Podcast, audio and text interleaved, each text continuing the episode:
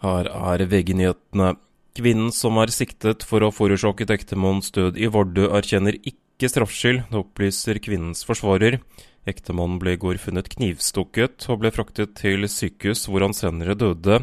Kvinnen er tidligere dømt for å ha knivstukket ektemannen.